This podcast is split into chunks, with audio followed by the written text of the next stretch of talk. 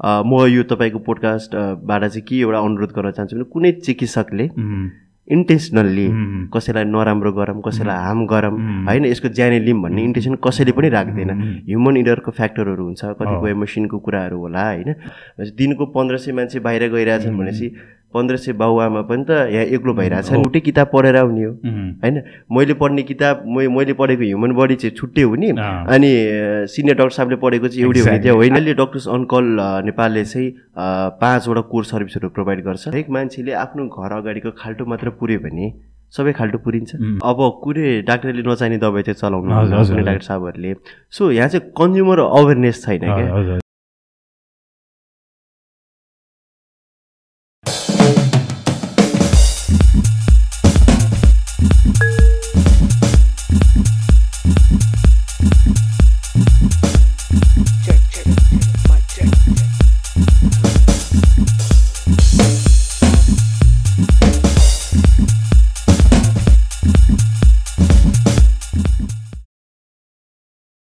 Hello and welcome to another episode of Merudui Paisa. We are back here again with uh, another amazing guest.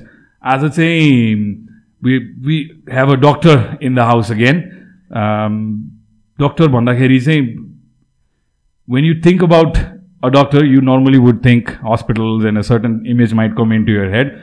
But I would like to call him a doctor plus an entrepreneur because उहाँ चाहिँ एउटा MBBS grad पनि हो two thousand सिक्सटिनको र अहिले इएमबिएको student पनि हुनुहुन्छ। So म आज चाहिँ मेरो स्टुडियोमा डक्टर सुमन न्यौपानेलाई वेलकम गर्न चाहन्छु। Thank you sir thank you so much first of all thank you for accepting म I got connected to you through entrepreneur so उत्साह र निरज दाईलाई पनि धन्यवाद भन्नुपर्छ।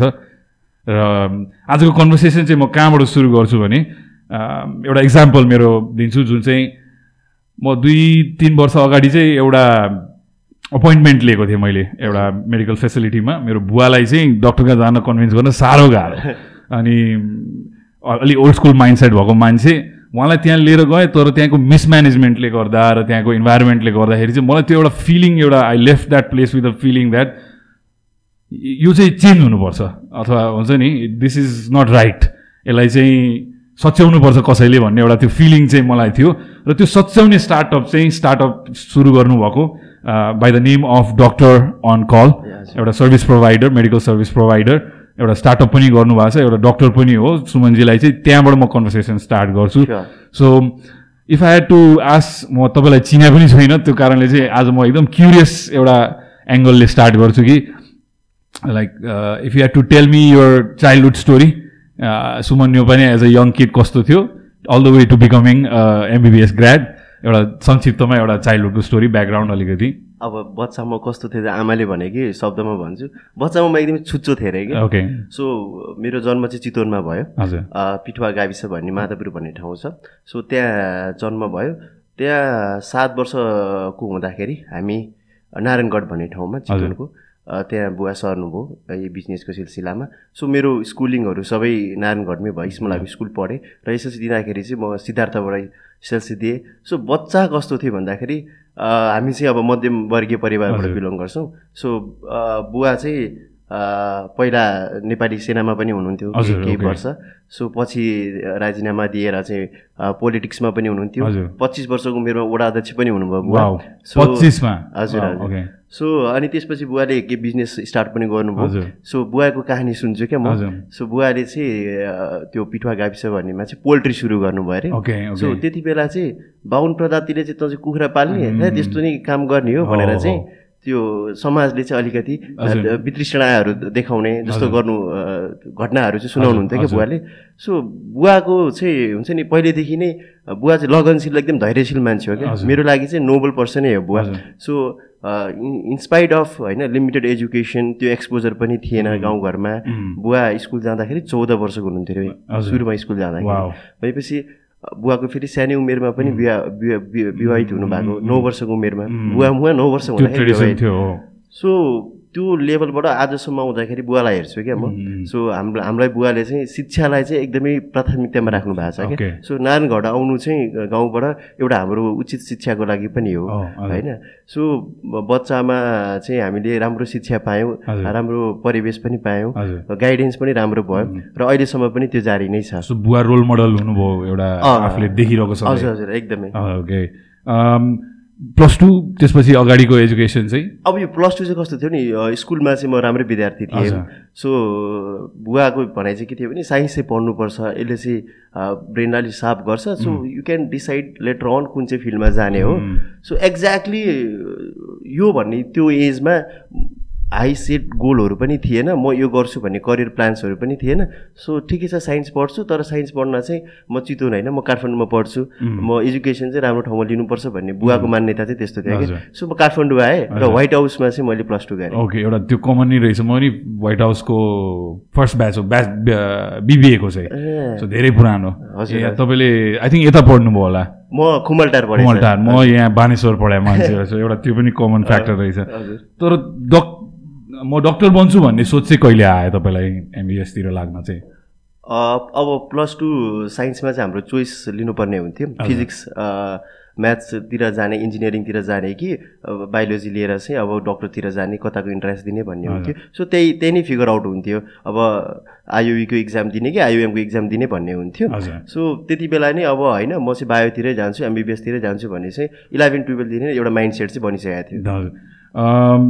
मुभिङ अन फ्रम देयर तपाईँले ग्रेजुएसन सकाउनु टु थाउजन्ड सिक्सटिनमा हजुर सिक्सटिन पछि you jump in to the real life where as a doctor पनि काम गर्न थाल्नुभयो र एउटा तपाईँले डक्टर अन कलको परिकल्पना पनि गर्नुभयो।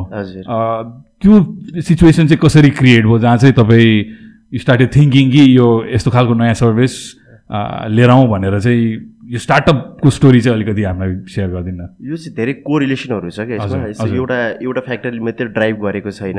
जस्तो कलेजदेखिको कहानी सुनाउँछ क्या। कलेजमा हामी एकदमै मिल्ने साथीहरू थियौँ हाम्रो यो एकदम ह्युज ग्रुप थियो। सो हाम्रो जहिले नै गेट टुगेदर हुन्थ्यो साथीभाइको गफ हुन्थ्यो। त्यति बेला चाहिँ जहिले पोलिटिक्सको कुरा हुन्थ्यो त्यति बेला फेरि माओ माओवादीको चाहिँ भर्खरै आगमन पनि भएको सत्तामा। त्यसपछि त्यो कुराहरू हुन्थ्यो देश बनाउने कुराहरू हुन्थ्यो पोलिटिक्सको धेरै कुराहरू हुन्थ्यो क्या। अनि यो जुन चाहिँ विदेश जाने ट्रेन्ड थियो हामी चाहिँ विदेश जानुहुन्न यहीँ के गर्नुपर्छ आफ्नै देशमा भयो भने त्यो युवामा एउटा जोस हुन्छ नि कलेज लाइफमा। यो रिपिटेडली हाम्रो सधैँ साथीभाइहरूमा चाहिँ यो कमन डिस्कसनको टपिक हुन्थ्यो क्या। सो त्यति बेला चाहिँ कस्तो हुन्थ्यो भने मलाई चाहिँ किन मान्छे चाहिँ हामी देश छोडेर किन जाने? भन्ने त्यो हाम्रो जहिले पनि त्यो कमन टपिकमा कुरा हुने हुने। अनि अहिले आएर हेर्छु क्या म हामी त्यति बेला डिस्कस गर्ने मान्छेहरू पनि कति मान्छेहरू बाहिर गइसकेका छन् क्या? सो मेडिकल कलेजमा काम गर्दा पनि यो कुराहरू देखिन्थ्यो क्या। जस्तो ओल्ड एजको बिरामीहरूलाई गाह्रो भइरहेको होइन? अब मा छोराछोरीसँग समय नभएको होइन?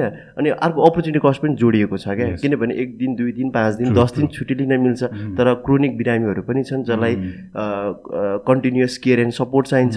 त्यो बिरामीलाई के गर्ने? अर्को कुरा रेमिटेन्सको होइन देश अब थर्टी पर्सेन्ट चाहिँ देशको इकोनोमी चाहिँ रेमिटेन्समा चाहिँ डिपेन्डेन्ट छ। दिनको पन्ध्र सय मान्छे बाहिर गइरहेको भइरहेछन् भनेपछि पन्ध्र सय बाबुआमा पनि त यहाँ एक्लो भइरहेछन् नि त। सो यो ट्रेनले गर्दाखेरि अब कसले हेर्ने त?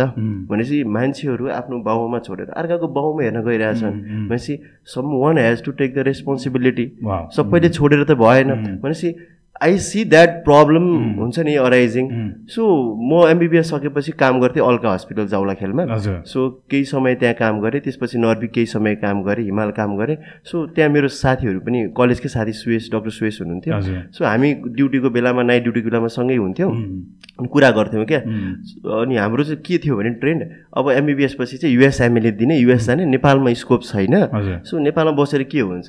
जहिले पनि कम्पेरिजन हुन्थ्यो क्या। तिमी यहाँ आठ आठ घन्टा काम गरेर how much you want how much you succeed so त्यही एफोर्ट तिमीले चाहिँ बाहिर लगायो भने worth it it's worth it so why किन गर्ने? यहाँ गो भन्ने जस्तो कमन कुरा हुन्थ्यो कि फ्रेन्ड सर्कलमा अनि मैले भने चाहिँ डोन्ट सी प्रब्लम्स होइन?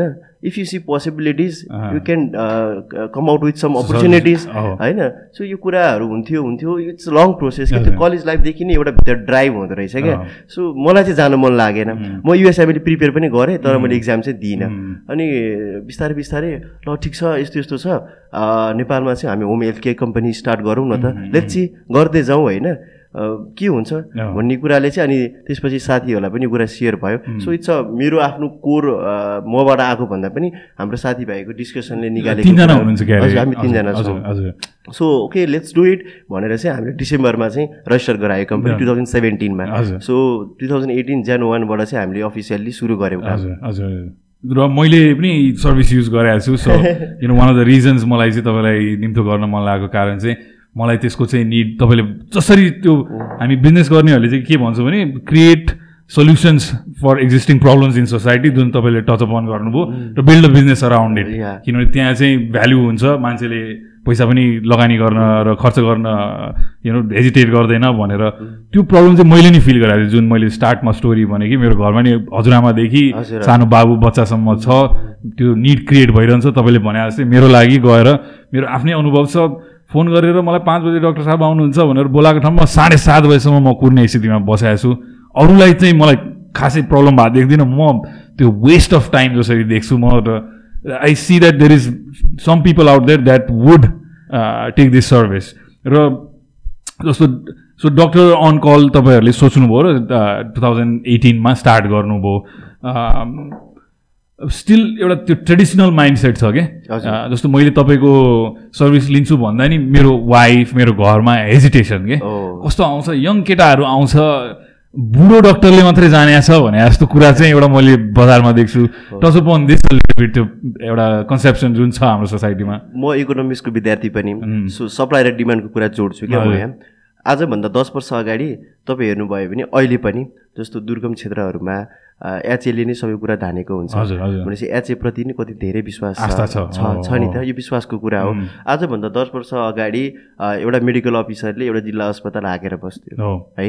सो अबको दस वर्षपछि हेर्नुभयो भने के छ त चिकित्सकको सप्लाई बढ्दै गएको छ नि त हिजोको तुलनामा। भनेपछि जति धेरै प्रोडक्सन भइरहेको छ मान्छेसँग चोइसेसहरू छ नि त। भनेपछि एक्सेसेबल हेल्थ सर्भिसहरू छ।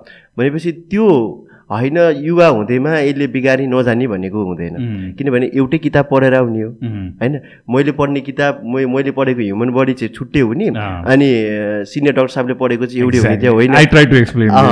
भनेपछि एउटै कुरा हो यो कुरा चाहिँ हेरी नजरिया हो पर्सपेक्टिभ हो। त्यो चाहिँ म चाहिँ पर्सपेक्टिभ हो भन्छु।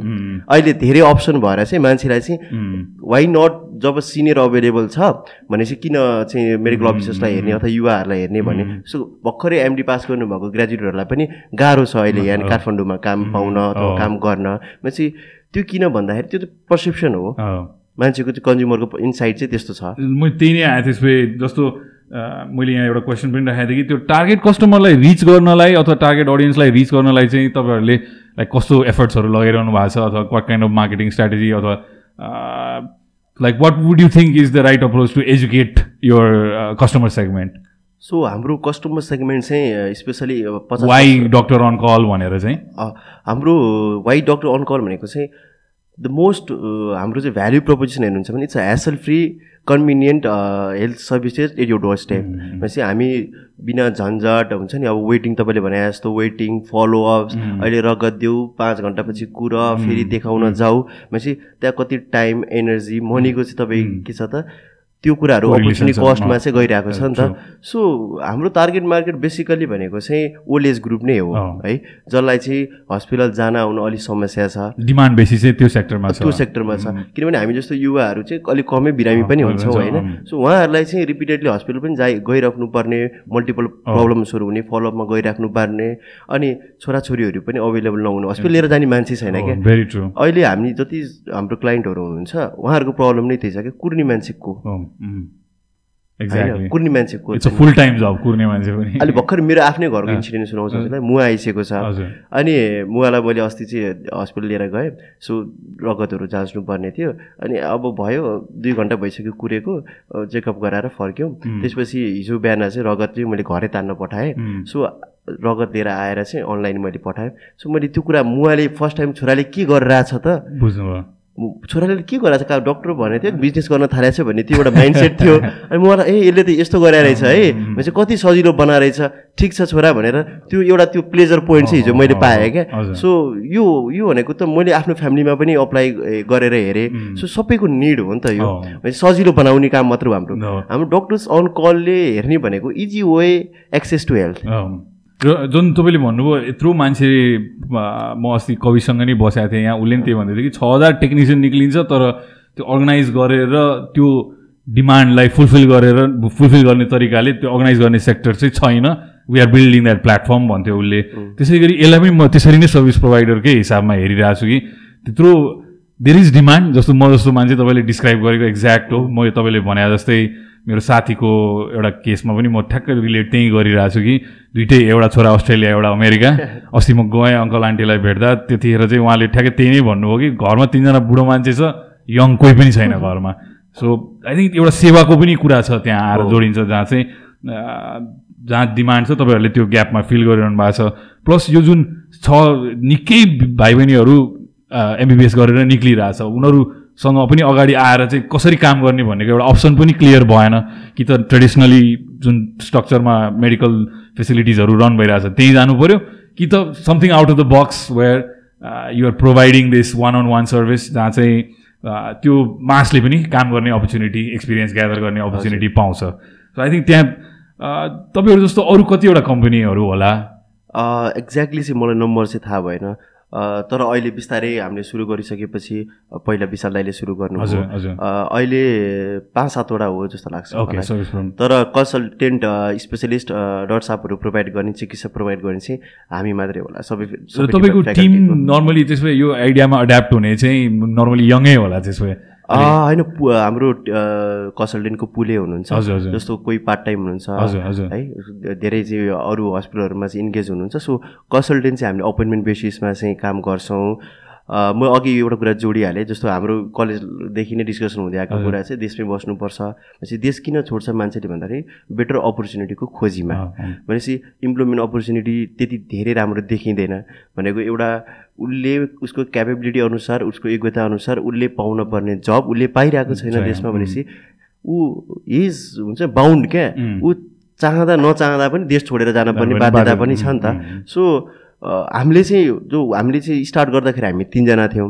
सो डेढ वर्षको अन्तरालमा अहिले हामी चालिसभन्दा बढी छौँ भनेपछि कता न कता हामीले त्यो इम्प्लोइमेन्ट अपर्च्युनिटी पनि क्रिएट गरिरहेछौँ नि त। वेआर होल्डिङ रिटेन गरिरहेछौँ नि त एउटा एउटा एउटा सेगमेन्ट अफ युवालाई चाहिँ हामीले रिटेन गरिरहेछौँ त्यो चाहिँ एउटा खुसीको कुरा चाहिँ लाग्छ डेफिनेटली अलिकति हाम्रो अडियन्सलाई प्लस हेरिरहेको मान्छेहरूलाई चाहिँ एउटा के पनि जाओस् भने like the kind of services that you provide in terms of scope के के छ तपाईँले कन्सल्टेसन भन्नुभयो एउटा? हजुर। अरू के के छ हाम्रो? अहिले डक्टर्स अन कल अ, नेपालले चाहिँ पाँचवटा कोर सर्भिसहरू प्रोभाइड गर्छ।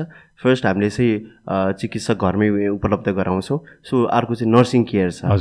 चौबिसै घन्टा नर्सिङ केयर पनि घरमै उपलब्ध गराउँछौँ।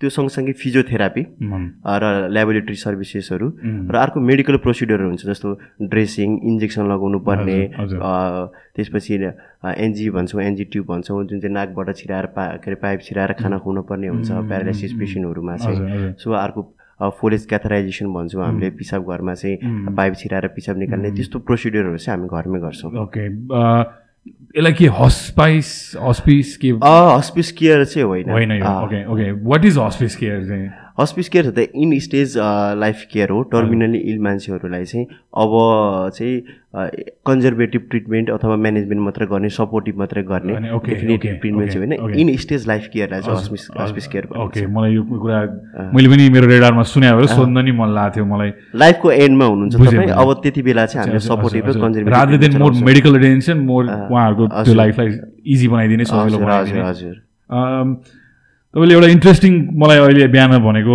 सुमन सरले चाहिँ कुरा के भने लाइक मैले इएमबिए जोइन गरेँ भनेर मलाई त्यो भेरी इन्ट्रेस्टिङ लाग्यो। किनभने हामी बिजनेसै गर्छु भने मान्छेले चाहिँ त्यो एसपायर गर्नु एकदमै त्यो स्टेपमै पर्छ एउटा प्रोसिजरमै पर्छ भने जस्तो। तपाईँ as a doctor what did you see के भ्याल्यु देख्नुभयो त्यो इएमबिए एजुकेसनमा अलिकति? मैले चिनेकै सरहरूको नाम पनि लियो यहाँ कुसममा हजुर। पढिरहनु so share some of that story यस्तो थियो। किन यु मेक द्याट चोइस अब हाम्रो फेडरेटिटीमा चाहिँ के हुन्छ भने एमबिबिएस पास गर्ने बित्तिकै सबैलाई कति बेला एमडी जोइन गरौँ भन्ने हतार हुन्छ कि सो अ, हामी इन्ट्रान्स दिँदै थियौँ। म हरेक इक्जाममा पास पनि भइरहेको थिएँ इन्ट्रान्समा सो बाहिर जाने अप्सन्सहरू पनि थियो। अनि बिचमा यो डक्टर सनकलको कुराहरू हामीले सुरु गऱ्यौँ। सो एउटा कुराले चाहिँ मलाई एकदमै बोधर गरिरहेको थियो क्या। सो काम र पढाइलाई कसरी सँगसँगै लिएर जाने। अब थ्री इयर्स म एमडी गर्न गएँ भने I have to go to medical college त्यसपछि त मैले यता टाइम दिन भ्याउँदिनँ। सो मैले चाहिँ सुरुमा अब एमपिएस गर्छु भन्ने सोच्थेँ।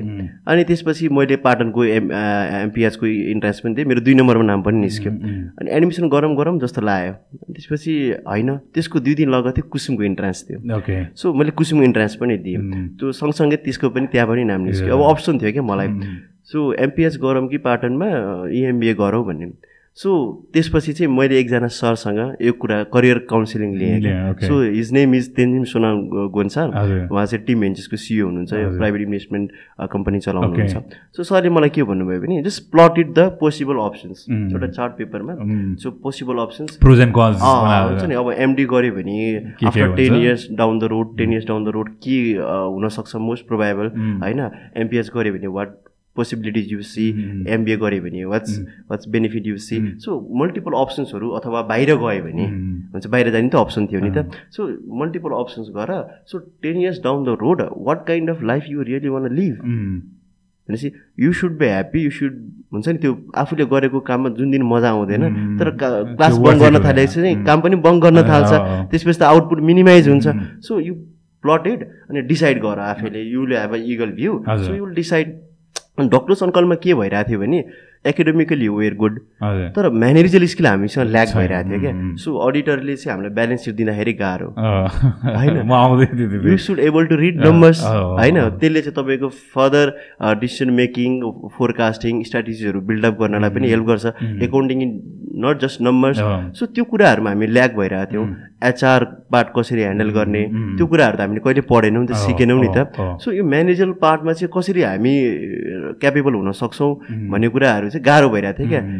Fine right guy hire him hire him भन्ने कुरा पनि भयो. तर जो कम्पनी लिड गर्दैछ उसले जानेन भने कसरी डिसिजन्स लिन्छ? कसरी लिन्छ कसरी बनाउँछ कसरी गोल सेट गर्छ कसरी फोरकास्ट गर्छ कसरी स्ट्राटेजी स्ट्राटेजीहरू बनाउँछ। सो मलाई चाहिँ निड भयो क्या। मेरो अर्गनाइजेसनल निड हो क्या इएमबिए मेरो आफ्नो पर्सनल निड भन्दा पनि। आफूसँग नभएको स्किल सेट एड गर्नलाई एक्ज्याक्टली भनेपछि त्यो कम्पिटेन्सिज त्यो नलेज त्यो स्किल त मैले डेभलप गर्नु पऱ्यो सो आई जोइन्ट इएमबिए के सोचेर जोइन गरेँ? I will take a semester so म हेर्छु कस्तो हुन्छ। भएन भने पनि अरू अप्सन त छँदैछ। सो मैले जोइन गरेँ। अहिलेसम्म कुछ पनि रिटर्न गर्न सकेको छ क्या भनेपछि आइएम ह्याप्पी म म. खुसी छु। हजुर हजुर हजुर। आई थिङ्क राइट फ्याकल्टी पनि छ त्यहाँ रमाइलो छ त्यहाँ।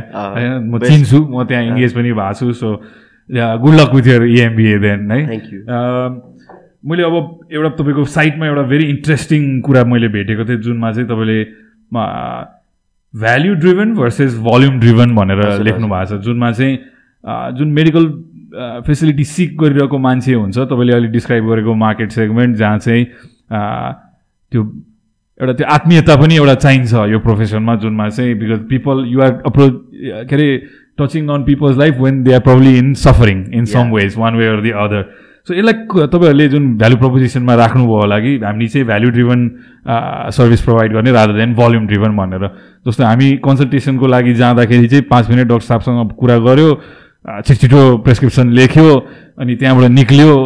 मलाई त्यो चाहिँ समहाउ एज अ कन्ज्युमर चाहिँ मलाई चाहिँ चित्त बुझ्दैन। थियो मलाई। जस्तो अस्ति मैले एउटा सानो डिस्क्राइब गर्छु कि डक्टर साहब आउनुभयो तपाईँहरूको सर्भिसबाट मेरो बाबु बिरामी थियो। हजुर एन्ड आई हामी बस्यौँ उहाँले डक्टरले बच्चालाई आरामले उसलाई बुझाइ पनि दिनुभयो यु बी फाइन हामीले खोजेको एउटा डक्टरबाट त सायद त्यही होला नि त। दबाई पनि हो औषधि पनि हो तर एउटा त्यो एउटा कनेक्टिभिटी पनि। जहाँ चाहिँ you are looked upon as somebody as almost as a saviour. होइन उसलाई चाहिँ डक्टर अङ्कल आउँदै हुनुहुन्छ he'll take care of you नहात्ती भनेको थियो हामीले उहाँले ठ्याक्कै त्यही गरिदिनु भयो आएर कि। टक टु हिम अलिकति काउन्सिल गरिदिनु भयो र मेरो वाइफले पनि त्यसलाई हेर्ने नजरिया चाहिँ चेन्ज भयो so that was what I thought was value driven. तपाईँहरूले यो चाहिँ why do you take this as your core value अब हाम्रो पेसा चाहिँ कस्तो छ भने विश्वासकै पेसा हो होइन? सो यसमा चाहिँ तपाईँ विश्वास गरेर आफ्नो जीवनै दिनुहुन्छ नि चिकित्सकको हातमा आफू तपाईँ सर्जरी गर्न जानुहुन्छ के हुन्छ थाहा हुँदैन भनेपछि तपाईँले आफ्नो जीवनै समर्पण गर्न रेडी हुनुहुन्छ। त्यतिसम्म विश्वास गर्न गर्नको लागि हामीले के भ्यालु चाहिँ क्रिएट गर्नु पऱ्यो वी आर रेस्पोन्सिबल लाएबल छौँ तपाईँको कसैको जिन्दगीसँग. अर्को एउटा चाहिँ म यो कुरा जोडिहाल्छु. सो अहिले पब्लिकमा पब्लिक कन्सर्न चाहिँ के छ भने डाक्टरहरूले चाहिँ माल प्र्याक्टिस गरे हेल्थ चेक राई गरे भन्ने छ नि। म यो तपाईँको पोडकास्टबाट चाहिँ के एउटा अनुरोध गर्न चाहन्छु भने कुनै चिकित्सकले इन्टेन्सनल्ली कसैलाई नराम्रो गरौँ कसैलाई हार्म गरौँ. होइन यसको ज्यानै लिम भन्ने इन्टेन्सन कसैले पनि राख्दैन. ह्युमन इडरको फ्याक्टरहरू हुन्छ कतिपय मसिनको कुराहरू होला होइन. त्यो एक दुई घटनाहरू घट्ने स्वाभाविकै हो. तर कुनै चिकित्सकले कसैलाई नराम्रो गरौँ भन्ने चाहिँ हुँदैन सो भ्याल्युको कुरा कहाँ आउँछ भने सो तपाईँ जब तपाईँ आफ्नो जीवन हामीलाई समर्पण गर्न रेडी हुनुहुन्छ भने. सो हामीले त्यो जीवनको राम्रोसँग ख्याल गर्नुपर्ने हाम्रो जिम्मेवारी हो. सो बिरामीसँग राम्रोसँग बोल्नुपर्ने त्यो असुरेन्स पनि डेभलप हुन्छ तपाईँले भने जस्तो कनेक्टिभिटी पनि आउँछ। सो सबै कुरा दबाईले नै गर्छ भन्ने छैन केयर एन्ड सपोर्टको पार्टहरू छ सो. राम्रोसँग कति क्वेरिज हुन्छ होइन। बिरामीहरूलाई यो गर्दा के हुन्छ यो गर्दा के हुन्छ मलाई के भएको हो यसको कम्प्लिकेसन्स के छ भन्दाखेरि। त्यो टाइम नहुनसक्छ सबै. डाक्टर साहबसँग किनभने अरू पनि लाइनमा हुन्छ सो हामीले चाहिँ त्यो त्यसमा चाहिँ घरमा चाहिँ यो यो फ्लेक्सिबिलिटी हुन्छ किनभने घरमा अरू त लाइन हुँदैन नि त। सो हामी मजासँग बसेर गफ गर्छौँ होइन सो भ्याल्यु चाहिँ क्रिएट गर्न सक्नु पर्यो हो। सो एउटा बिजनेस पर्सपेक्टिभले तपाईँले कन्ज्युमरलाई अथवा कस्टमरमा भ्याल्यु क्रिएट गर्न सक्नु भएन भने त्यो प्रडक्ट अथवा त्यो सर्भिसले पनि कुनै मार्केट लिन सक्दैन। र हाम्रो पर्सनली प्रोफेसनली हेर्नुहुन्छ भने हामी त भोल्युम ड्रिभनमा जानै हुँदैन। चिकित्सक शिक्षा भन्ने कुरा त क्वालिटी त्यसपछि चाहिँ भ्याल्युको कुरा आउँछ नि त। सो यो नै हाम हामीले चाहिँ त्यसरी सोचेर चाहिँ मेन मोटो राखेर। हजुर। र मैले त्यही एउटा कल्चर के हुन्थ्यो पहिला पहिला भने लाइक नर्मली एउटा फ्यामिलीले जचाउने भनेको एउटै डक्टरसँग अथवा चाहे त्यो सानो होस् या बुढो होस् या सायद एउटा त्यो बिल्डअप पनि गर्दै आउँछ एउटा रिलेसन विथ। सर्टन डक्टर कि। मेरो फ्यामिलीसँग कनेक्टेड मान्छे हो यो भनेर सो अहिले लाइक युजर बेस कत्रो छ तपाईँहरूलाई जस्तो कस्तो कस्तो कलहरू आइरहेको छ लाइक इन टर्म्स अफ मैले लिएको जस्तो त्यो कन्सल्टेसन कतिको भल्युम पर्सेन्टेज छ। र जुन तपाईँले नर्सिङको कुरा भन्नुभयो सायद बेसी भल्युम त नर्सिङ र। केयरमा होला सो अलिकति यो डिस्क्राइब गरिदिनु हाम्रो चाहिँ उस्तै उस्तै नै छ। जस्तो चिकित्सक घरमा जाने सेवा नर्सिङ सेवा र फिजियोथेरापी ल्याब उस्तै उस्तै नै जान्छ। सँगसँगै त्यस्तो तलमाथि भन्ने छैन विशेष गरी चाहिँ ओल्ड एजको मान्छेहरू हुनुहुन्छ नि। हजुर। जेराट्रिक केयर भन्छौँ सिनियर सिटिजन केयर भन्छौँ हामी। ज्येष्ठ नागरिक अ, को नै बढी चाहिँ हाम्रो क्लाइन्ट बेस हेर्नु भने ज्येष्ठ नागरिकै धेरै छ। हजुर हजुर हजुर। भनेपछि एउटा नर्मल कन्सल्टेसन फी भन्दा तपाईँहरूको कति बेसी पर्सेन्टेज पर्न आउँछ people that might be interested to find हामीले चाहिँ मेडिकल अफिसरको चार्ज चाहिँ फिफ्टिन हन्ड्रेड पर भिजिट लिन्छौँ र कन्सल्टेन्टको भनेको स्पेसलिस्ट जस्तो अर्थोपेडिसियन सर्जन हुनुहुन्छ मेडिसिनको फिजिसियन हुनुहुन्छ पिडाट्रिसियन हुनुभयो उहाँहरूको चाहिँ थ्री थाउजन्ड लिन्छौँ। सो यो हेर्दाखेरि चाहिँ एकचोटि हेर्दाखेरि चाहिँ अलिकति एक्सपेन्सिभ लाग्न सक्छ। तर इफ यु क्यालकुलेट ओभरअल कुराहरू it's more over I similar think त्यो initial consultation is absolutely critical कुनै सिचुएसनमा जहाँ चाहिँ जसरी मैले चाहिँ कसरी हेर्छु भने बरु तपाईँले भने जस्तो आ बसेर आरामले राइट एडभाइस दिने पनि हो एउटा डक्टरले कि what would be the right step forward moving forward यो प्राइस कन्ट्रोलमा चाहिँ म हजुरलाई एउटा कुरा जोडिहाल्छु। जस्तो मानव एउटा नर्सिङ केयर राखेर चाहिँ हस्पिटलमा एडमिट गरेर राख्नु पऱ्यो भने बिरामीलाई मानव कसैको फिजियोथेरापीको लागि अथवा कुनै मेडिकेसनको लागि हस्पिटलै राख्नुपर्ने छ भने तपाईँ कस्ट कम्पेरिजन गर्नुहुन्छ कस्ट एनालाइसिस गर्नुहुन्छ भने आजको दिनमा एउटा प्राइभेट हस्पिटलमा बस्दाखेरि वार्डमा पनि पन्ध्र सय दुई हजार पर्छ। पर्छ। ठिक छ? सो तपाईँ एकजना गुरुवा बस्नु पऱ्यो. चौबिस घन्टा अभाइलेबल हुनु पऱ्यो ठिक छ. भनेपछि ऊ मान्छेको पनि एउटा अपर्च्युनिटी कस्ट जोडिएको छ. है? अब त्यहाँ रिइन्फेक्सनको कुराहरू हस्पिटलबाट त्यो त्यो फियर पनि त्यो पनि छ।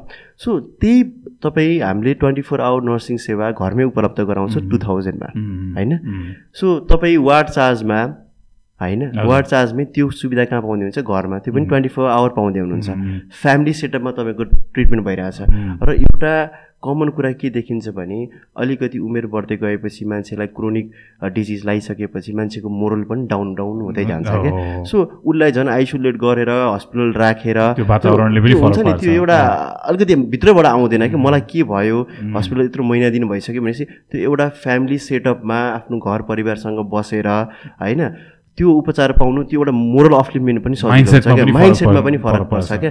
र सँगसँगै अरू अरू फ्यामिली मेम्बरले आफ्नो काम पनि रोक्नु परेन। होइन र? सो त्यो कुराहरूको भ्यालु एडिसन चाहिँ हुन्छ। डेफिनेटली मैले चाहिँ अगाडि अगाडि कुरा बनाउँदाखेरि चाहिँ तपाईँ you're also in leadership as well in so many ways तपाईँले एक दुईवटा अर्गनाइजेसनको नामहरू लिनुभएको छ। सो मेडिकल काउन्सिलको कुरा आयो। सरी नेपाल के अरे नेपाल मेडिकल एसोसिएसन एसोसिएसन र तपाईँले अर्को एउटा पनि भन्नुभएको थियो अर्को चाहिँ हाम्रो चाहिँ गैर चिकित्सक सङ्घ छ। हजुर हजुर। एन गोडान भन्छौँ हामी। त्यसमा तपाईँको रोल अलिकति यसमा how did you get into these organizations अब अहिले तपाईँले मेडिकल फ्याटर्निटीको अवस्था तपाईँलाई पनि अवगत छ न्युजहरूमा आइरहेको हुन्छ।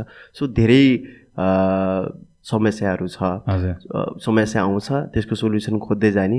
जापानिजमा एउटा थ्योरी छ नि काइजेन थ्योरी भन्ने। It's a process of continuous improvement so हामीले गर्ने नै त्यही हो। एउटा सङ्गठनमा लाएर यो पेसालाई कसरी राम्रो बनाउन सकिन्छ होइन? पेसामा लागेका मान्छेको स्किल र नलेजलाई कसरी इन्हान्स गर्न सकिन्छ एबिलिटी कसरी बढाउन सकिन्छ होइन? र यसलाई व्यवस्थित कसरी बनाउने सिस्टम सिस्टमाइज अर्गनाइज कसरी बनाउने त एउटा एउटा डिग्निटी जुन प्रोफेसनको एउटा डिग्निटी छ यसलाई कसरी बचाइराख्न सकिन्छ भन्ने कुरामै हामी काम गर्छौँ। सो नेपाल मेडिकल एसोसिएसन अन्तर्गत जेडिसी भन्ने भन्ने एउटा सिस्टर विङ छ जुनियर डक्टर नेटवर्क। हो त्यसमा चाहिँ म एक्जिक्युटिभ मेम्बर पनि छु। र सँगसँगै यता एन गोडारमा पनि हामी फाउन्डर एक्जिक्युटिभमा पनि म काम गर्दैछु जसले चाहिँ प्राइभेट डक्टर्सहरूको हकितको लागि काम गर्छ। हजुर हजुर असम तपाईँले ठ्याक्क त्यो टचअपन गरेकै सब्जेक्टमा आयो अब चाहिँ आज पनि बिहान म बिहान उठेर यसो एकछिन मोबाइल खोल्दाखेरि चाहिँ विद्यार्थीहरू आन्दोलित छन् अहिले मेडिकल विद्यार्थीहरू। प्लस हाम्रो लास्ट टु थ्री इयर्समा चाहिँ यो इस्यु रेज पनि धेरै भयो। Issue in regards of medical पढाइको cost medical facilities plus doctor Govinda केसीको इस्युमा पनि म यसमा फेन्समै छु म fifty fifty I like to evaluate things from both angles होइन। यसको प्रोज एन्ड कन्स के के छ? होइन I'm a believer that eventually public health sector चाहिँ हुनुपर्छ स्ट्रङ सो द्याट जसले अफोर्ड गर्न सक्दैन उसलाई पनि access to doctors and medical care चाहिँ सेम नै हुनुपर्छ। तर there is also demand for what you're doing also as a young doctor also trying to start up create a service providing business तपाईँले कसरी हेर्नुहुन्छ अहिलेको यो परिस्थिति यो माहौल जुन बन्यो अराउन्ड मेडिकल तपाईँले डिग्निटी भन्ने शब्द युज गर्नुभयो त्यसलाई पनि अलिकति थ्रेड भएको हो कि त्यतातिर त्यतातिर अलिकति जाउँ न म यो गभर्मेन्टको सिस्टमसँगै जोड्छु अहिले हामी जुन ट्रेडमा छौँ। सो एजुकेसन र हेल्थ भन्ने कुरा जति सक्दो चाहिँ पब्लिक भएको राम्रो हुन्छ क्या। यो प्राइभेट भन्दा पनि पब्लिक। म एउटा इक्जाम्पल दिन्छु।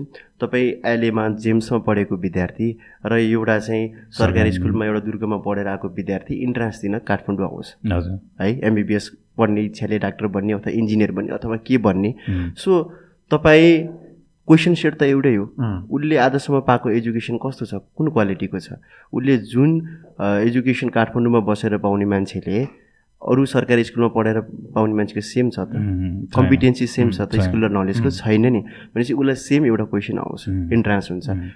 तपाईँ एक सय पचास सिसीको बाइक र पन्ध्र सय सिसीको बाइक एउटै रोड ट्र्याकमा हालेर रेस गर्नुहुन्छ भने जित्ने सम्भावना कसको बढी हुन्छ? पन्ध्र सय सिसीकै बढी हुन्छ। भनेपछि यो फियर कम्पिटिसन हो। होइन नि त। भनेपछि उच्च शिक्षामा राखेको छ नि त नेपाल सरकारले चिकित्सक अध्ययनलाई चाहिँ उच्च विशेष शिक्षा भनेर राखेको छ। सो यसमा त सबैको पोज पनि हुनुपर्छ। होइन जसले धेरै पेमेन्ट गर्यो उसले नै डाक्टर बन्न पाउने। भन्ने त राम्रो होइन। त्यसले त क्वालिटीमा भोलिको दिनमा त लङ रनमा त क्वालिटी क्वालिटीमा त इफेक्ट गर्छ। सो विशेष शिक्षा भनिसकेपछि एउटा तपाईँ देशको नागरिक भइसकेपछि शिक्षा स्वास्थ्य पाउनु तपाईँको नैसर्गिक अधिकार पनि हो। हो। कि होइन? हो। भनेपछि यसमा जो क्यापेबल छ जो लडेर आउँछ सबैलाई सम्मान अपर्च्युनिटी दिनुपर्छ। होइन? Competition fair competition fair competition हुनु पऱ्यो नि। सम सबैलाई सम्मान अपर्च्युनिटी दिनुपर्छ र त्यसको उचित मूल्याङ्कन हुनुपर्छ होइन? त्यही भएर कोटा सिस्टम पनि आयो होला होइन? यही उहाँहरूलाई चाहिँ गाह्रो छ भनेर कोटा सिस्टम पनि ल्याइयो त प्रमोट गरे हो नि त त्यो। सो सरकारले तोकेको भन्दा अब यो फीको कुरा आयो सरकारले तोकेको भन्दा बढी फी लिइरहेको कुराहरू आयो त्यो त गलत हो नि त होइन र?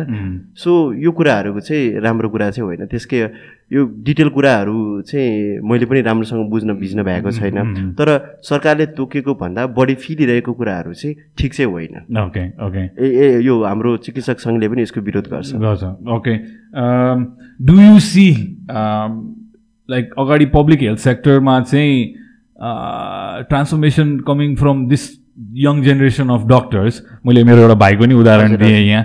केही नयाँ गरौँ र केही डिफ्रेन्ट गरौँ भन्ने खालको सोच पनि थोरै भए पनि मैले जति भेटिरहेको छु त्यहाँ देख्छु।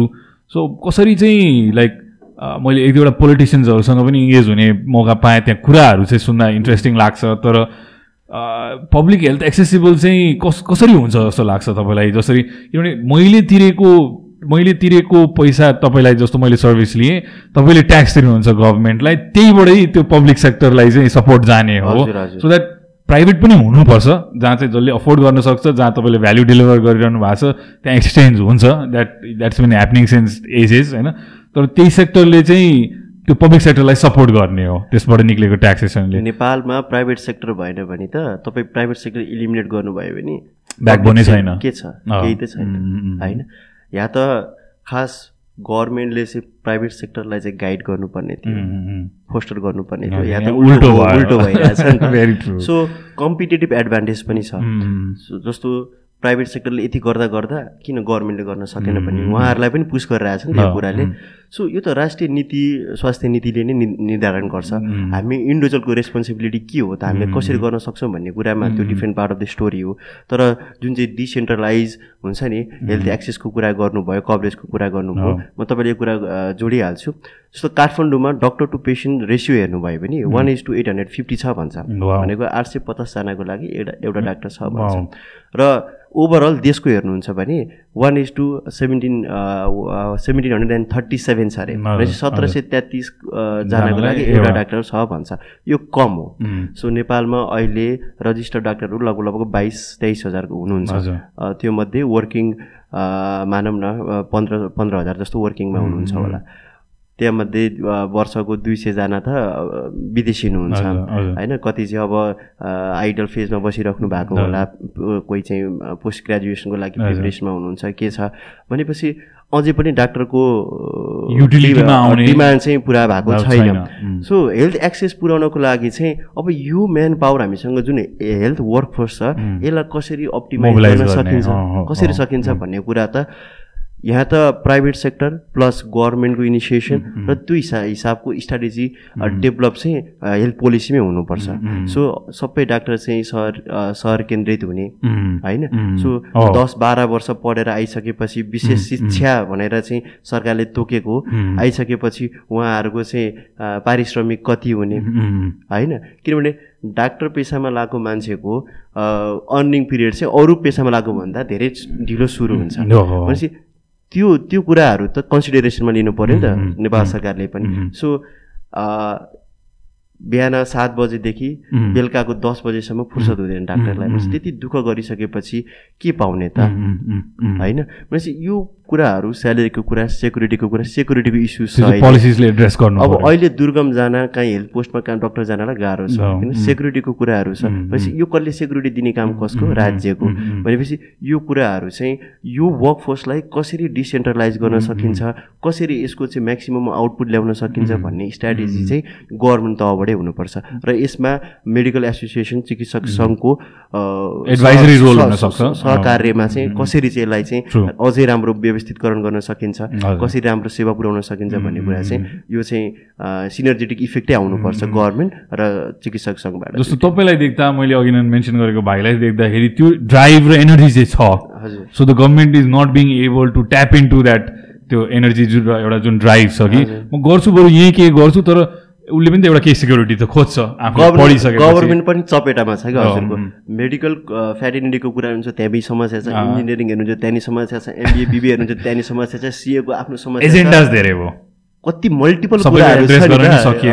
अनि फेरि व्यापारीको आफ्नै। आफ्नै छ भनेपछि हामी एउटा स्ट्रगलिङ फेजमा पनि छौँ।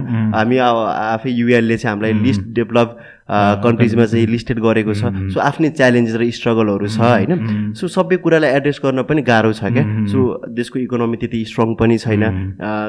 राज्य आफै चाहिँ डिपिसिटमा चलिरहेछ। भनेपछि सबै कुरालाई एकैचोटि चाहिँ ट्याक्क ल है? तपाईँहरू सबैले भनेको जस्तो हुन्छ भनेर सबै त्यो चाहिँ हुँदैन। इट टेक्स टाइम तर as a doctor do you see those changes happening आज अहिलेको लिडरसिपले अहिलेको संयन्त्रले त्यसलाई इम्प्याक्ट गरिरहेछ त?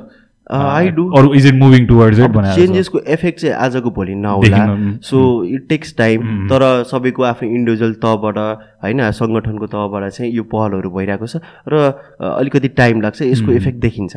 Okay stay hopeful that young doctor in Nepal is hopeful भने चाहिँ म पनि होपफुल हुनुपर्छ। होपफुल हुनैपर्छ हुनैपर्छ हुनैपर्छ। म पनि एउटा कुरामा चाहिँ के बिलिभ गर्छु भने तपाईँले भनेको कुरा एकदम सोलिडिफाई गर्छु म चाहिँ कि अब मलाई पनि कति कुरा अहिलेको गभर्मेन्टको चित्त बुझ्दैन।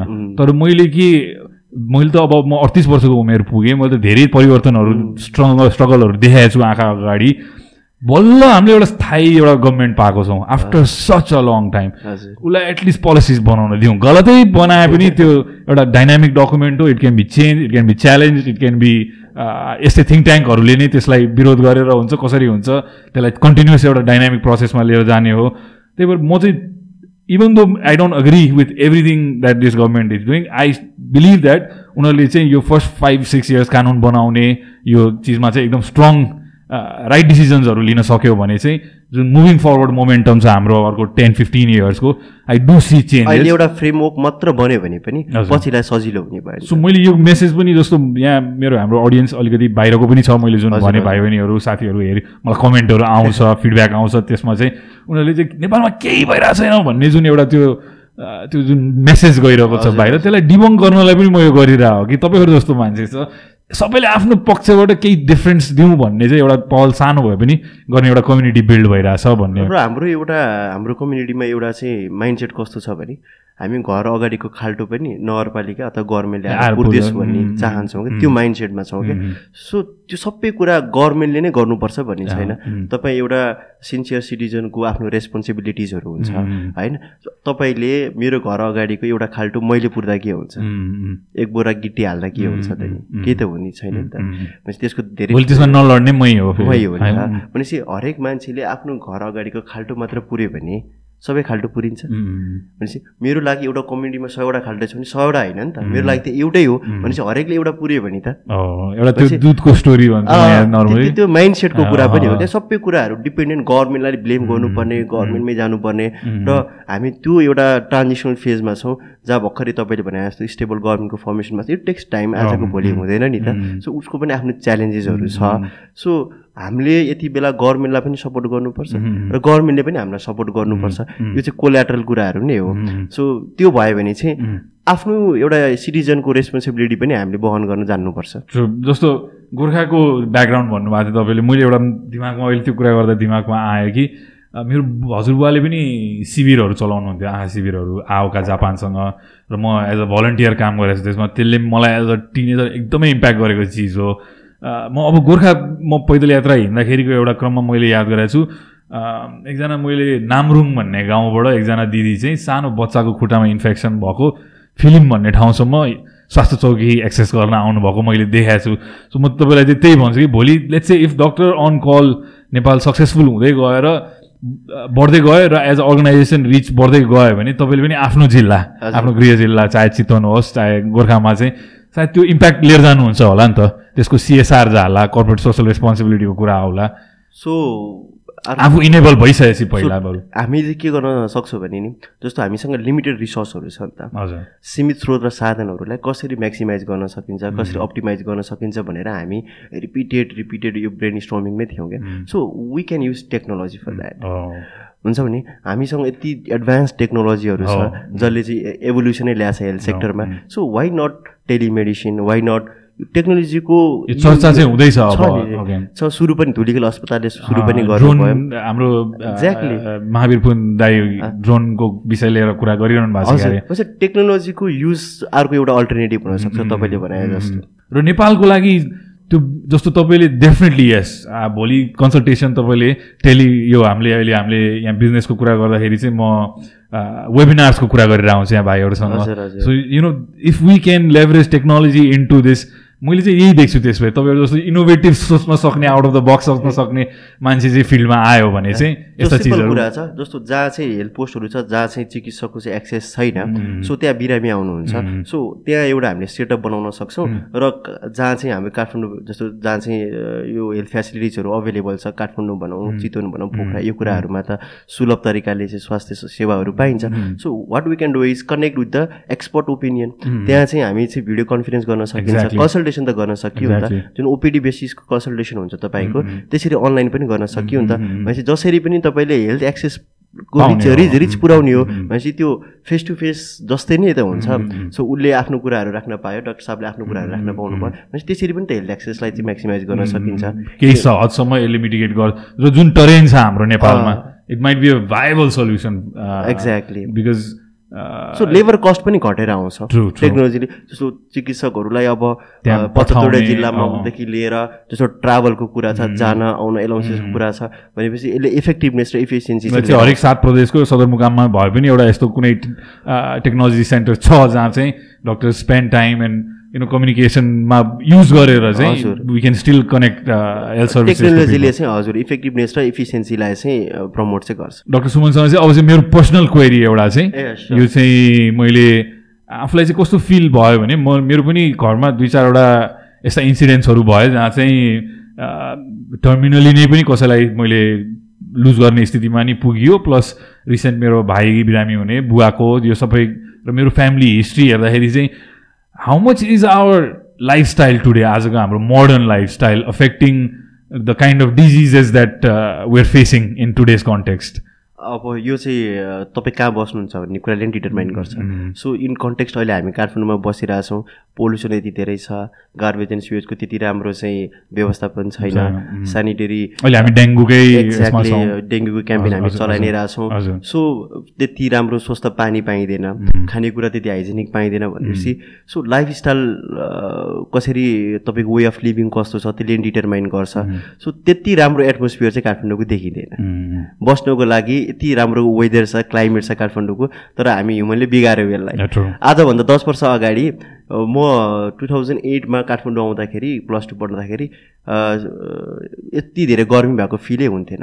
मच्छर त हेर्नै पाइन्थेन। जस्तो अब ग्लोबल वार्मिङले पनि हेर्नुहोस्। यो त हामी म्यान मेड कुराहरू हो नि त। सो वी क्रेडिट दिस आजको जे छ हामीले लङ रनमा हामीले ध्यान नदिएर हामी केयरफुल नभएर हामीले हेल्थ चेकराई गरेर आजको दिन आएको हो। नि त सो यही कन्टिन्यू भयो भने योभन्दा वर्स हुन्छ। सो हामी आफ्नो हिसाबले नै हामीले नै क्रिएट गरेर आयो क्या। Ninety nine percent of the problems are created by human itself ten percent अब कुनै डिजास्टरहरू होला नेचुरल डिजास्टर होला। तर म्याक्सिमम् चाहिँ ह्युमन मेडै हुन्छ क्या। सो त्यति यो कुराहरूमा चाहिँ हामीले यो सरसफाइको कुराहरूमा इन्भाइरोमेन्ट क्लिननेसको कुराहरूमा चाहिँ इन्भाइरोमेन्ट म्यानेजमेन्टमा चाहिँ हामीले अलिकति एज अ पर्सनल्ली पनि ध्यान दिनु फुड हेबिट चाहिँ भन्यो हामीले अस्ति तरकारीमा बिसादीको पनि चर्चा भयो ठुलो र स्ट्रेसको कुरा पनि देख्छु म। यङदेखि नै मान्छे एकदम ओभरली स्ट्रेस्ड आउट र स्ट्रेसबाटै कति रोगहरू जन्मिन्छन् जस्तो लाग्छ मलाई चाहिँ। अब यो मेरो आफ्नो एउटा जम्सन हो कि यो as a medical professional can you say that it is so अहिलेको युथहरूमा म के देख्छु भने त्यो हुन्छ साइन्सले फ्याक्ट नभए बोल्दैन तर युथमा के देख्छु भने जस्तो भाइहरू हुनुहुन्छ नि। त। मसँग काम गर्ने भाइहरू पनि हुनुहुन्छ। सो उनीहरूलाई चाहिँ एकदम चाँडै रिटर्न चाहिन्छ क्या। सो आज भयो टक्क इन्स्ट्यान्ट रिटर्न चाहियो क्या। सो प्लस टू पास गर्ने बित्तिकै ब्याचलर सकिने बित्तिकै फर्स्ट प्रायोरिटी के छ भन्दाखेरि माइन्ड सेटै के छ भन्दाखेरि विदेश जाने। सो नेपालमा के गरौँ अथवा यहीँ के गर्न सकिन्छ भन्नेतिर भन्दा पनि इजी एक्सेस चाहिँ के छ भन्दाखेरि त्यो कसरी त्यो माइन्डसेट बस्न गयो भन्दाखेरि कम्पेरिजनले गर्दा आउँदो रहेछ क्या? सो उसको सर्कलमा भएको साठी सत्तरी पर्सेन्ट मान्छे बाहिर हुन्छ। सो उसले कम्पेयर गर्छ क्या? अनि उसलाई पनि यहाँ बस्नु मन लाग्दैन क्या? अनि ऊ झन् तनावमा आउँछ क्या? त्यो मच्युरिटी लेभल पनि आइसकेको हुँदैन होइन? सो त्यसले त्यसले पनि अलि डिटरमाइन गर्ला चाहिँ स्ट्रेसमा चाहिँ। सो हाम्रो फुड हेबिट पनि त्यति राम्रो छैन। होइन? सो हामीले बाहिर खानको लागि पनि त्यति हाइजेनिक छैन। सबै त्यो त्यो कारणले पनि अलिकति अप्ठ्यारो चाहिँ बनाउँछ। हाम्रो कन्जम्सन प्याटर्न्सहरू हेर्दाखेरि चाहिँ नट जस्ट फुड एन्ड अरू चिजको यो चाहिँ मैले तपाईँबाटै तपाईँबाटै जान्नुपर्ने कुरा हो. एज थर्टी एट होइन? अनि एकचोटि क्यामेरामा यता हेरिदिनुहोस् ट्वेन्टी एट क्या? यु सुड अस्ति यहाँ अर्को एकजना डक्टर हुनुहुन्छ। तपाईँले मलाई कम्प्लिमेन्ट गर्दै हुनुहुन्छ doctor Pranav Raj Joshi. Veterinary doctor हुनुहुन्छ उहाँ। उहाँलाई बोलाएको चाहिँ उहाँ अर्को लेभलमा हुनुहुन्छ फेरि यसको। उहाँ बडी बिल्डिङबाट फेरि कसैले भन्छ म थर्टी एट हो भनेर? थ्याङ्क यू त्यो चाहिँ म भाइसँग ट्रेकिङ पनि गएको थिएँ। एकजना भाइले चाहिँ मलाई सत्ताइस अट्ठाइस वर्षको भनिदियो। म दङ्ग परेर नि। आई थिङ्क मलाई चाहिँ कस्तो लाग्छ भने अब त्यो त्यतिकै मेडिकली कुरा गर्दाखेरि भन्दा नि मलाई चाहिँ एउटा फिलिङ जुन हुन्छ एउटा आफ्नो भित्रको त्यसलाई एउटा म एउटा के भन्छु भने एउटा कम्पस जस्तो हुन्छ आफूलाई गाइड गर्ने। त्यो चाहिँ जस्तो even though I'm thirty eight almost I think and work and act like a twenty eight हो इयर ओल्ड सो सायद मेरो त्यो माइन्ड सेटले नै मलाई त्यसमा चाहिँ फरक पार्छ कि हिजो पनि म झन्डै तिन घन्टा मभन्दा आधा उमेरका मान्छेहरूसँग चर्चा परिचर्चा गरेर म बसेँ किनभने धेरै कुरा मैले मैले उहाँहरूलाई पनि सिकाएँ होला। उहाँहरूबाट पनि मैले सिकेर गएँ त्यहाँबाट। So I like to engage with young people I like to keep up with them होइन? मलाई चाहिँ के भइरहेछ ग्लोबली यिनीहरू धेरै अगाडि बढ्यो भने म पछाडि पर्छु भने जस्तो लाग्छ। र अब त एजले पनि एउटा के दियो भने if I don't watch this अहिले तपाईँलाई मैले सोधेको क्वेसन किन थियो भने बिजनेस गर्ने स्ट्रेस लिने फाइनेन्सियल कुराहरूको हुन्छ। आफूलाई वाच गरिएन भने चाहिँ जति हामीले पैसा कमाउँ जति एचिभमेन्ट्स गरौँ हेल्थ छैन भने चाहिँ at the end of the day nothing matters म चाहिँ त्यो चाहिँ एउटा बिलिभर भएँ। सर्भाइभल त त्यसले मलाई एउटा इम्प्याक्ट चाहिँ गर्यो। त्यसले गर्दा मैले अलिकति आफ्नो फुड हेबिट्समा मेरो लाइफस्टाइलमा नराम्रो बानीहरूलाई यसो बिस्तारै पन्छाउँदै लिएर जाने। त्यसले गर्दा हो र मेरै अलिकति जेनेटिक पनि हो। तपाईँ शास्त्र शास्त्रको सार हेर्नुहुन्छ। हजुर। होइन जीवनको फिलोसफी हेर्नुहुन्छ। भने साइन्सको फ्याक्टै हेर्नुहुन्छ डार्विनको सबैभन्दा इम्पोर्टेन्ट कुरा के रहेछ मान्छेको लागि सर्भाइभल हो नि त। होइन र? सर्भाइभल पछि अरू कुरा त सेकेन्डरी हो। कसरी लाइफलाई सस्टेन गर्ने भन्ने कुरा? पहिला त सुड बी अलाइभ होइन? भनेपछि अलाइभ त मोस्ट इम्पोर्टेन्ट कुरा रहेछ नि त। भनेपछि जसले जे काम गर्नुहुन्छ सर्भाइभलको लागि होइन त? भनेपछि स्ट्रेस त वान वे अर अनदर आइहाल्छ। यो नभए अर्को स्ट्रेस हुन्छ।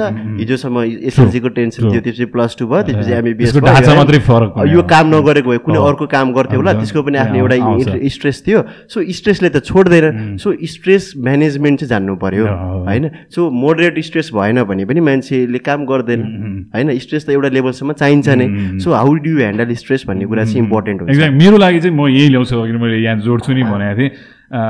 लाइक एउटा राइट ब्यालेन्स अफ जस्तो अहिले मैले एउटा ट्रेन्ड देख्छु कि जस्तो म एक दुईवटा ठाउँमा जाँदाखेरि चाहिँ मेरो नर्मली मेरो बच्चालाई कसैलाई चेकअप गराउनु जाँदाखेरि एकदम प्लाथोरा अफ मेडिसिन्स नै लेखिदिइहाल्नुहुन्छ होइन? अब एन्टिबायोटिक्सको कुरा। अस्ति आएको डक्टरले मलाई भनेको कुरामा चाहिँ त्यो के टचअप अन गर्नु मन लाग्यो भने मैले कन्सल्टेसन गरेँ कुरा गरेँ परामर्श र एउटा अलिक डिफ्रेन्ट थिङ्किङ डक्टर भयो भने चाहिँ चार पाँच दिन अब्जर्भ गरौँ।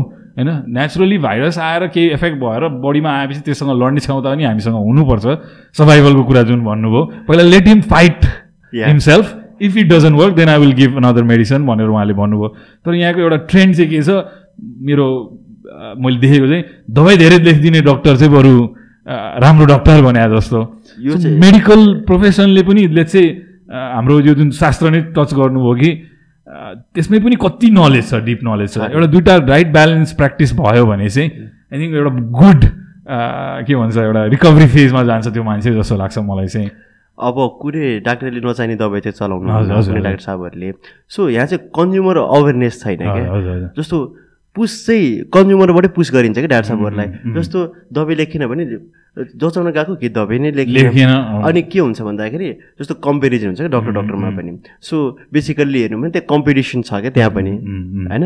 अब के अरे सर्भाइभल अफ द फिटेस्ट भने जस्तो छ होइन? सो तपाईँ एउटा डाक्टर साहबमा जानुभयो एउटा बच्चालाई के ज्वरो आयो। सो उहाँले चाहिँ ल लेट्स अब्जर्भ अहिले चाहिँ प्यारासिटामोल मात्र खुवाएर हेर्नुहोस् राम्रो केयर गर्नुहोस् राम्रो फिडिङ गर्नुहोस्। दुई चार दिन हेरौँ त्यो एउटा ओपिनियन हुनसक्छ। एउटा ज्वरोको कन्टेक्स्टमा भन्दैछु है मैले स्पेसिफिक डिजिज होइन। सो अनि अर्को डाक्टर साहबले चाहिँ ल फाइन एन्टिबायोटिक चलाउनु भयो। जसले चाहिँ चाँडै फाइट गर्ने भयो चाँडै रिकभरी गर्ने भयो भन्दाखेरि अब त्यो प्यारेन्टलाई चाहिँ कस्तो इम्प्याक्ट पर्छ भन्दाखेरि त्यो डाक्टर राम्रो उसले हेर्ने बित्तिकै दबाई खाने चाहिँ ठिक भइहाल्यो भन्ने पर्छ।